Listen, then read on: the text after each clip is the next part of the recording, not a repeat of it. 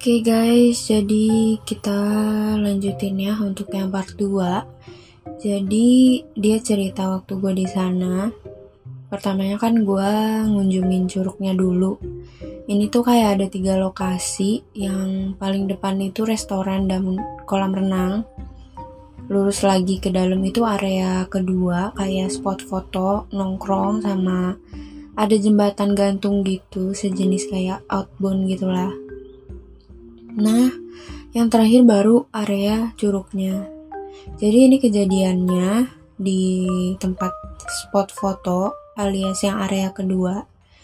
Ini ada tiga bagian juga. Jadi hmm, dari bawah itu parkiran, terus jembatan gantung itu naik lagi ada spot foto sama tempat nongkrong di atasnya lagi itu spot foto juga cuma tinggi banget dan ada satu wahana aja kayak sebuah tower tapi paling atasnya itu ada area fotonya gitu kayak semacam tempat duduk tapi ada icon bulan sabit gitu ya.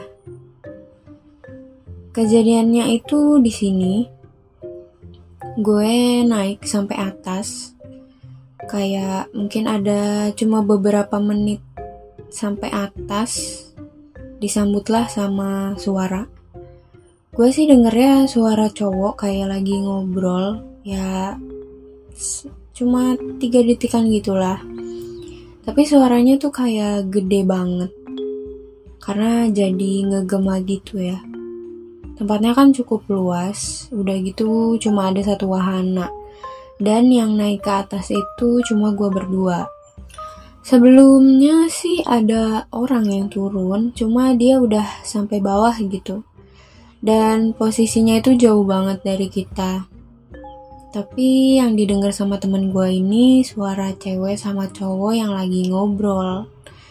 Awalnya gue diem aja, gak mau bilang sama dia. Karena gue takut jadi parno atau pengen buru-buru turun. Nah, pas kita mau turun dari tower itu, dia bilang denger suara.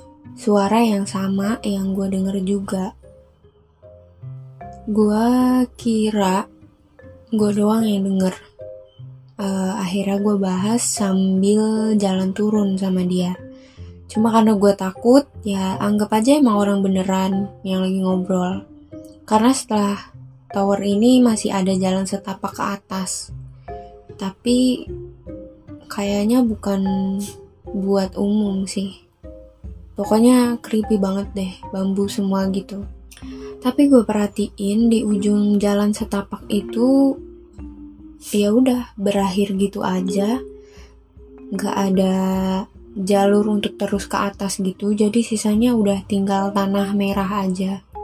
Dan kayaknya sih gak ada orang yang bakalan akses jalan itu. Soalnya bener-bener ketutup sama pohon-pohon lebih banyaknya sih bambu gitu ya terus barulah abis kita turun kita ngobrol-ngobrol dulu nongkrong dulu di area seperti kantin sih sebenarnya. Uh, ada banyak orang yang lagi nongkrong juga gitu. Setelah ngebahas-ngebahas gitu akhirnya kita baru ke area terakhir ke area depan karena kita mau nebus kupon gitu jadi dari awal masuk kita dapat kupon buat nebus minuman jadi setelah kita sampai ke area depan dia masih belum cerita apa-apa dan ya udah gue juga nggak mau ngebahas apa-apa karena gue juga udah mulai takut di situ. Kita balik itu sekitar jam 5 sore. Kita baru turun dari area itu. Terus barulah di jalan dia bilang dia ngeliat sesuatu jadi ini sebenarnya udah setengah perjalanan ya perjalanan pulang dia bilang dia ngeliat sesuatu karena emang jalanannya tuh udah gelap banget jadi emang daerah kampung itu kurang lampu penerangan jalan ya jadi kalau misal kita lewat lampunya itu cuma berasal dari lampu kendaraan orang-orang. Dan kebetulan banget kita doang yang lewat. Dan gak ada orang lain lagi di depan kita atau di belakang kita. Jadi bener-bener lampunya itu cuma itu aja dan nggak bisa nerangin seluruh area gelap yang ada di situ. Jadi dia bilang ke gua kalau dia ngeliat orang lagi jalan kaki, tapi ada satu orang lagi di sebelahnya yang nemenin dia juga. Yang bikin gua agak takut di situ karena dia bilang orang itu nggak napak. Tapi yang di sebelahnya ya. Yang orang ini katanya ya kelihatannya sih masih napak. Tapi ya udahlah kita lewat berlalu gitu aja terus udah lumayan ya kita udah hampir deket sama kota kita ngelewatin sawah gitu lumayan agak panjang jadi ya mungkin sekitar 1 sampai 2 kilo. Itu kanan kiri kita cuma sawah aja. Jadi perumahan warga tuh agak jauh gitu dari area sawah itu. Terus dia bilang dia nyium bau singkong kebakar gitu. Gua kurang tahu ya kalau untuk mitos atau sesuatu yang kayak gitu. Kalau misalnya ada bau apa ternyata ada hantu apa gitu kan. Gue positif thinking aja karena waktu itu ada tumpukan kayu jadi gue pikirnya kalau ada orang yang lagi bakar kayu dan kebetulannya aromanya tuh kayak singkong dibakar oke kita masih lanjut jalan lagi dan ya udah gitu aja nggak ngebahas lagi. Dan setelah kita sampai rumah masing-masing, beberapa hari kemudian dia baru berani cerita kalau sebenarnya ada sesuatu yang ngikutin kita sampai ke kota. Jadi sejak dia nyium aroma kayu kebakar itu di area persawahan itu baunya masih nggak hilang sampai kita berhenti di satu supermarket waktu itu kita mau beli air jadi dia bilang baunya itu berhenti di situ. Ya kalaupun emang ada yang ngikutin menurut gue wajar sih. Karena kita kan bukan orang sana dan ya jalur yang kita lewatin pun serem gitu untuk jam segitu. Bahkan kalau misalnya di area perkotaan jam segitu masih rame banget.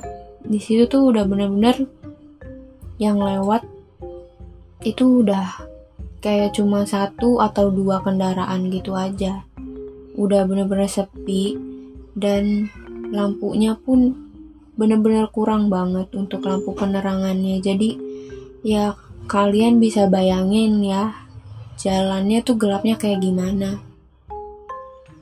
Terus uh, dia sempat nanya kalau misalnya gue lagi halangan atau enggak ya emang saat itu gue nggak lagi halangan gitu dia pikir ada yang ngikutin kita tuh karena gue lagi nggak bersih gitu ya.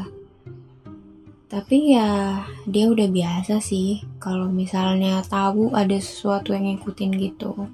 Terus ada satu hal lagi sih, dia bilang kalau di area curug itu jadi ada satu spot di pohon beringin gitu.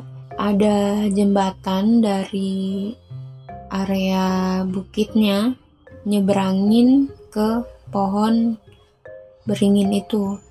jadi kayak ada jembatan besi gitu buat kita menuju ke spot foto yang di area pohonnya itu.